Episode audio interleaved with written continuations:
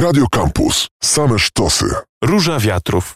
Audycja o stosunkach międzynarodowych. Przy mikrofonie Marcin Uniewski, a moim i waszym gościem w Radio Campus jest pan Marcin Przychodniak, ekspert do spraw Chin z Polskiego Instytutu Spraw Międzynarodowych oraz były dyplomata mm, Polski w Pekinie. Witam serdecznie panie Marcinie. Dzień dobry. Rośnie napięcie w cieśninie tajwańskiej. Od zeszłego tygodnia chińska armia przeprowadza manewry wokół Tajwanu mm, i manewry marynarki wojennej, manewry lotnictwa. Lotnictwo naruszyło już przestrzeń powietrzną Tajwanu mm, e, kilka razy. Do tego hakerzy na usługach Pekinu dokonują cyberataków na Tajwan. No a Chiny dodatkowo jeszcze mm, pewne naciski gospodarcze wprowadziły na wyspę. W związku z tym pojawia się coraz więcej głosów i w prasie, i wśród części ekspertów, że państwa środka no, może przygotowywać się do inwazji na Tajwan i do odzyskania kontroli nad tą wyspą, co no, nie da się ukryć, jest jednym z marzeń i celów przewodniczącego Xi Jinpinga, czyli lidera Chin. Dlaczego akurat teraz, panie Marcinie, ta presja i te groźby? Bo no, dwa lata temu na przykład też Chiny mm, groziły wprost ustami swoich polityków, przedstawicieli, że Taj z Tajwanem się rozprawią. Tak się nie stało teraz kolejny raz, e, no nie tylko groźba, ale też właśnie, właśnie działania, manewry chociażby wojskowe właśnie wokół wyspy. No, powiedzmy sobie na początku, że to, co odróżnia standardowy zestaw chińskich działań, chińskich w sensie HRL działań wobec Tajwanu, to są w zasadzie tylko te ćwiczenia wojskowe i to też raczej ich skala i zasięg niż sam fakt, że występują, bo wszystkie poprzednie retorsje, represje, czy prowokacje, czy działania wobec Tajwanu były już wcześniej. Przed wizytą Pelosi to jest standardowy zestaw chińskich instrumentów, zarówno embargo na import tajwańskich towarów, e, cyberataki oczywiście, cała ta też otoczka retoryczno-narracyjna, prawda, która dla Pekinu jest bardzo ważna, a, a, której teraz obserwujemy tak dużo. Więc to, to jest raz. Dwa, to myślę sobie, dlaczego akurat teraz? Um, to jest tak, że ta wizyta e, pani Pelosi była pretekstem dla Chińczyków tak naprawdę. Oni... Dodajmy, ja tylko rozwinę, o tym też zaraz pana zapytam. Nancy Pelosi, czyli przewodnicząca Izby Reprezentantów, trzecia najważniejsza osoba w Stanach Zjednoczonych, obecnie e, wylądowała na Tajwanie w zeszłą środę, odwiedziła Tajwan, no i to oczywiście Chiny doprowadziło do białej gorączki, tak, że, że Stany Zjednoczone przylatują na wyspę, którą Chiny oczywiście nie uznają za państwo, tylko za część Chin. To tak tylko słowem wyjaśnienia.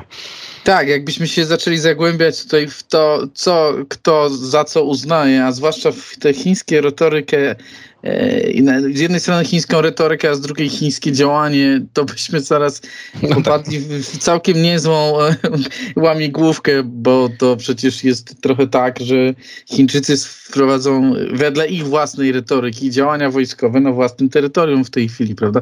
Trochę, no, ale nie, nie wchodząc w to głębiej, więc wracając do, do, do tego, dlaczego mhm. teraz i skąd taka eskalacja w tej chwili, no ta wizyta była pretekstem tak naprawdę dla Chińczyków. Gdyby nie wizyta, myślę sobie, to te działania, zaostrzenie, zwłaszcza ten wymiar wojskowych ćwiczeń dość poważny, y, odbył się pod innym pretekstem. Tu nie trzeba było wiele, ale ten był akurat dość dogodny, no bo oczywiście to, co pan powiedział, e, ranga pani Pelosi jest dość wysoka, no poza tym oczywiście to Stany Zjednoczone.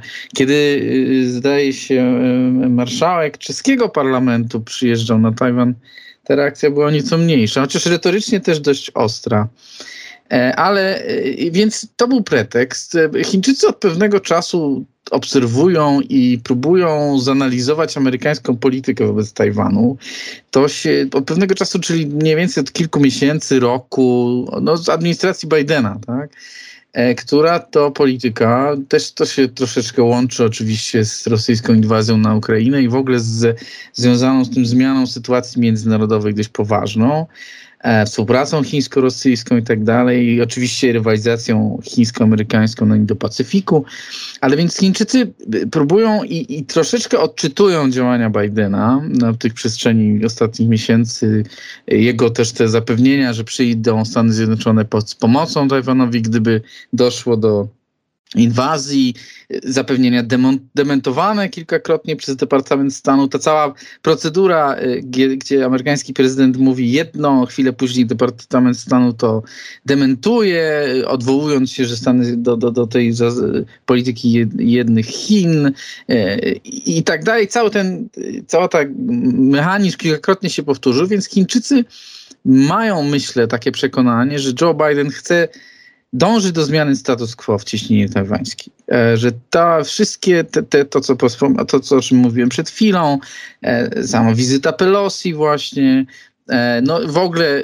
zaangażowanie amerykańskie na Indo-Pacyfiku jest obliczone na to, żeby prędzej czy później raczej później, ale jednak e, doprowadzić do pewnej zmiany status quo w tej chwili. Na co Chińczycy oczywiście e, z różnych powodów, do których nie będziemy trochę rozmawiać, nie chcą dopuścić. Więc wykorzystując ten pretekst, no zdecydowali się, żeby samemu to status quo niejako naruszyć. Może, może to za dużo powiedziane, nie w tym sensie, nie w sensie statusu Tajwanu jako takiego, no ale przesuwając tę linię, że tak powiem, w obecności wojskowej chińskiej w tym obszarze nieco dalej, prawda? I prowadząc ćwiczenia z rakietami balistycznymi, które lądują już nie tylko w wodach to nazwijmy je HRL, uznawanych za suwerennych przez HRL za suwerenne, ale też w wodach uznawanych przez Tajwan za ich własne, mhm.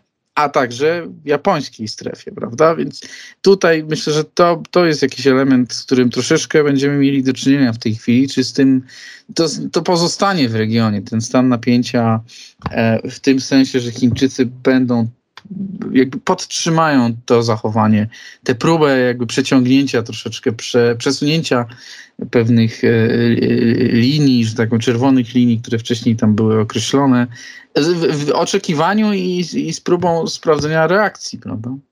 Czy możemy powiedzieć w takim razie, panie Marcinie, trochę upraszczając oczywiście, bo jeszcze temat oczywiście rozwiniemy, że obecnie Tajwan, w ten obecne zaostrzenie konfliktu, no to stał się trochę takim...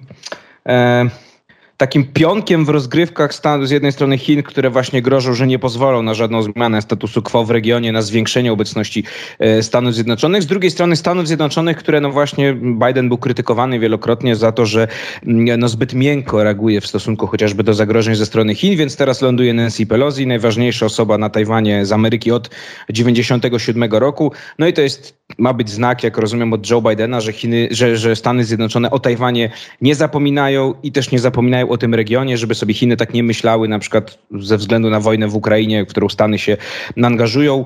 Mm, no właśnie, więc obie strony sobie grożą, a Tajwan gdzieś jest tam tym takim mm, wygodnym, y, wygodnym przedmiotem tej, tej rywalizacji. Chyba czy, aż tak. Mhm. Czy chyba przesadzam może?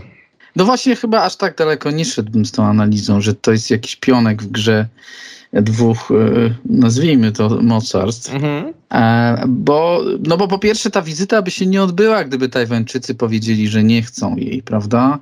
Tak mi się wydaje i bo tu pewności oczywiście nie mam, no tu wchodzimy w relacje, y, nie, nie można ich nazwać formalnie sojuszniczymi, ale jednak bardzo bliskich sobie No tak, układu tak? obronnego nie ma między... No właśnie, ale... ale znaczy Tajwanem a Stanami. Tak, nie ma. Są innego rodzaju akty prawne, mhm. zwłaszcza wewnątrzamerykańskie, które nakładają może nie obowiązek pomocy, ale oczywiście współpracy chociażby zbrojeniowej.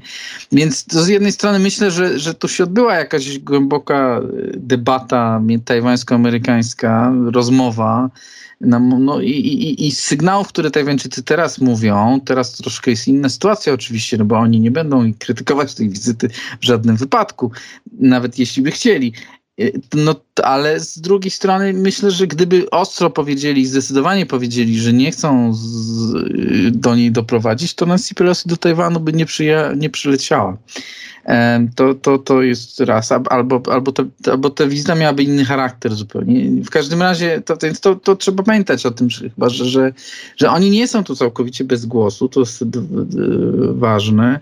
Myślę też, że, że to jest troszkę tak, że Joe Biden, takie mam wrażenie, bo oczywiście nie mogę mieć pewności, troszkę zdaje sobie sprawę z tego, jaka jest polityka HRL, tak? I że prędzej czy później do tej, to, to co powiedziałem przedtem, że do, do pewnego działania militarnego dojdzie w cieśninie tajwańskiej. Możemy dyskutować o jakim charakterze, czy to będzie inwazja, czy nie. No słyszymy głosy, zdaje się, z Pentagonu, że dwa lata, tak? To jest jakiś kolejny termin, który Amerykanie podają, że to, jest, że to będzie możliwe gdzieś za dwa lata i pełna skalowa inwazja chińska.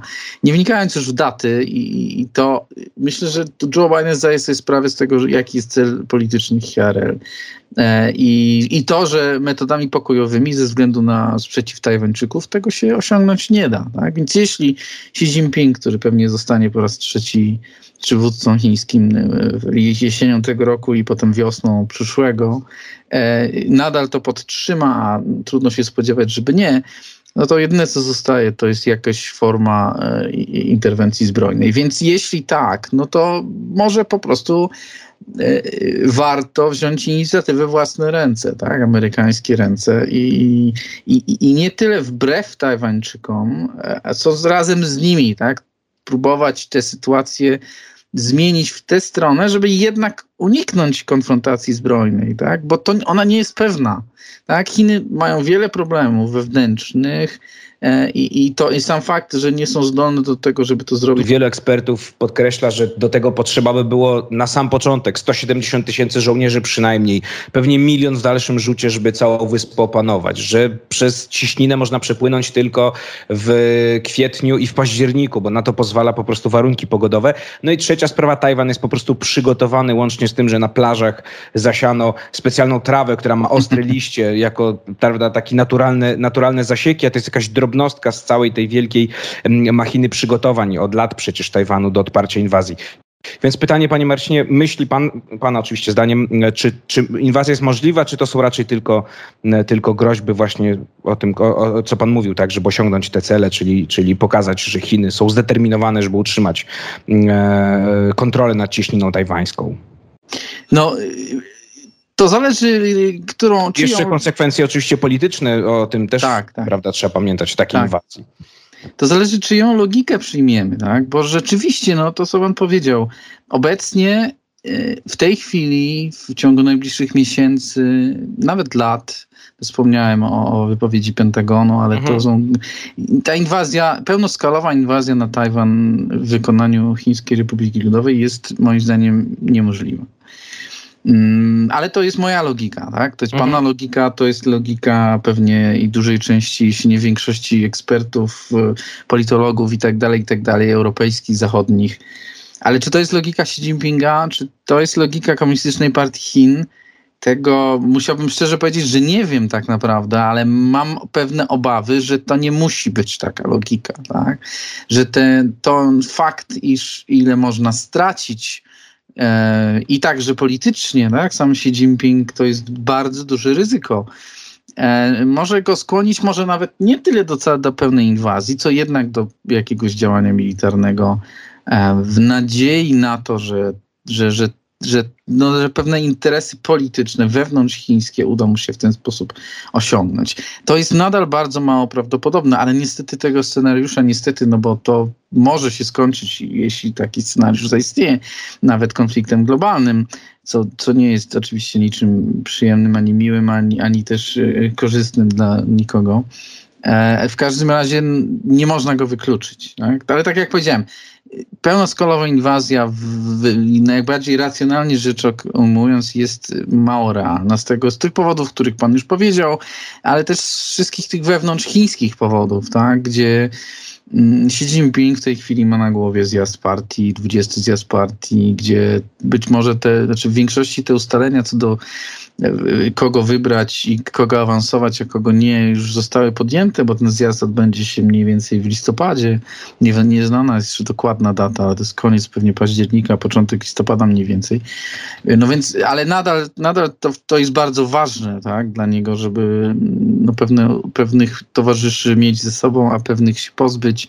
I, I to nie jest takie pewne, zwłaszcza, że sytuacja gospodarcza chińska jest e, słaba, oględnie rzecz ujmując um, że to jest, że cała, cały czas pandemia koronawirusa w Chinach nie jest opanowana i nie ma, nie widać, że tak powiem, środków, instrumentów, możliwości, żeby móc ją kontrolować w ten czy inny sposób. Tak? Więc cały czas sytuacja grozi kolejnymi lockdownami, nowymi zachorowaniami i tak dalej, i tak.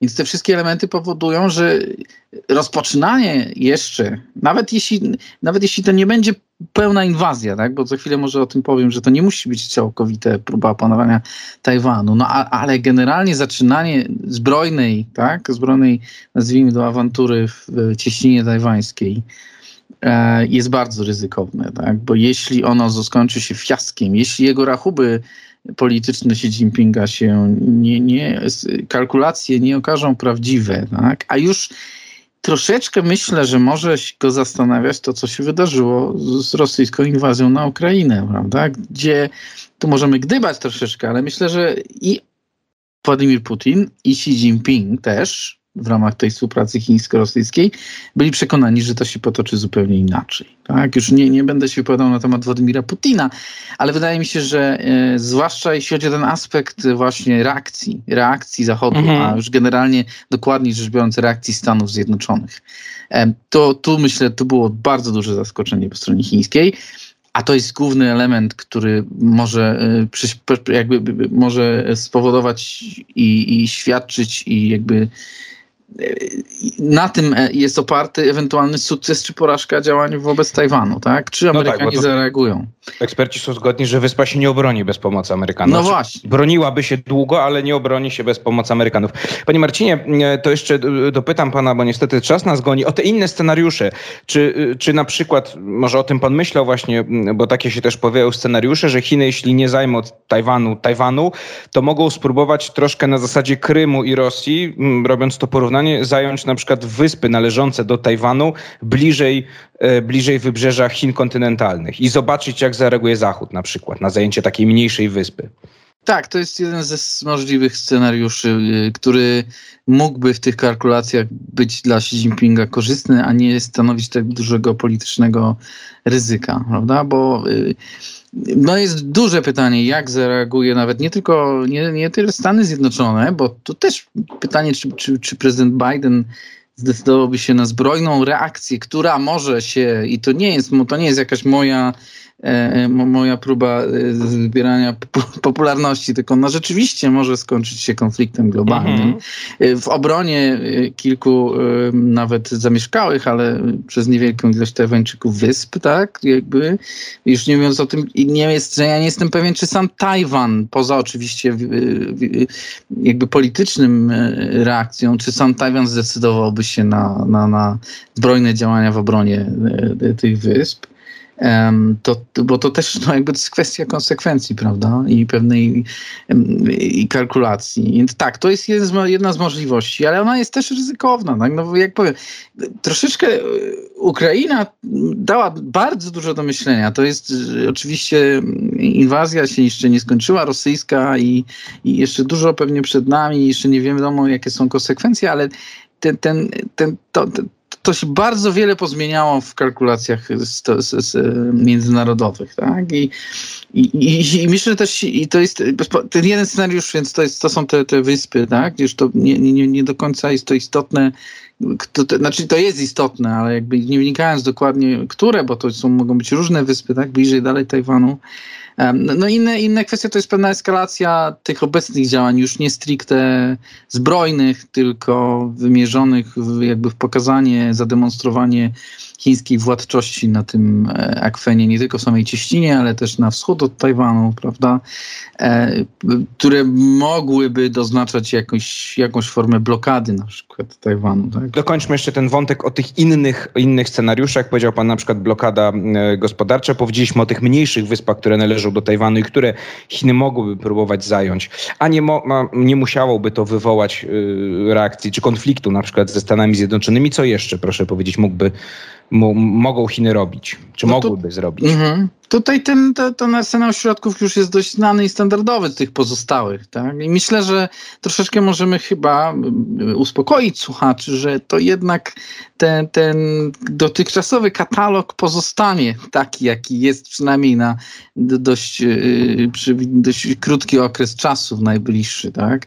E, e, czyli pewien sposób prezentowania retorycznej, że tak powiem, niezgody na to działania i Tajwanu i Stanów Zjednoczonych, bardzo zaostrzony, przy pewnym jednak ograniczonej eskalacji już na, na miejscu postaci tych ćwiczeń wojskowych, które są oczywiście poważne, ale jeszcze nie oznaczają niczego na tyle, nie, nie, nie muszą się przerodzić w konflikt zbrojny, przynajmniej nieświadomy, prawda?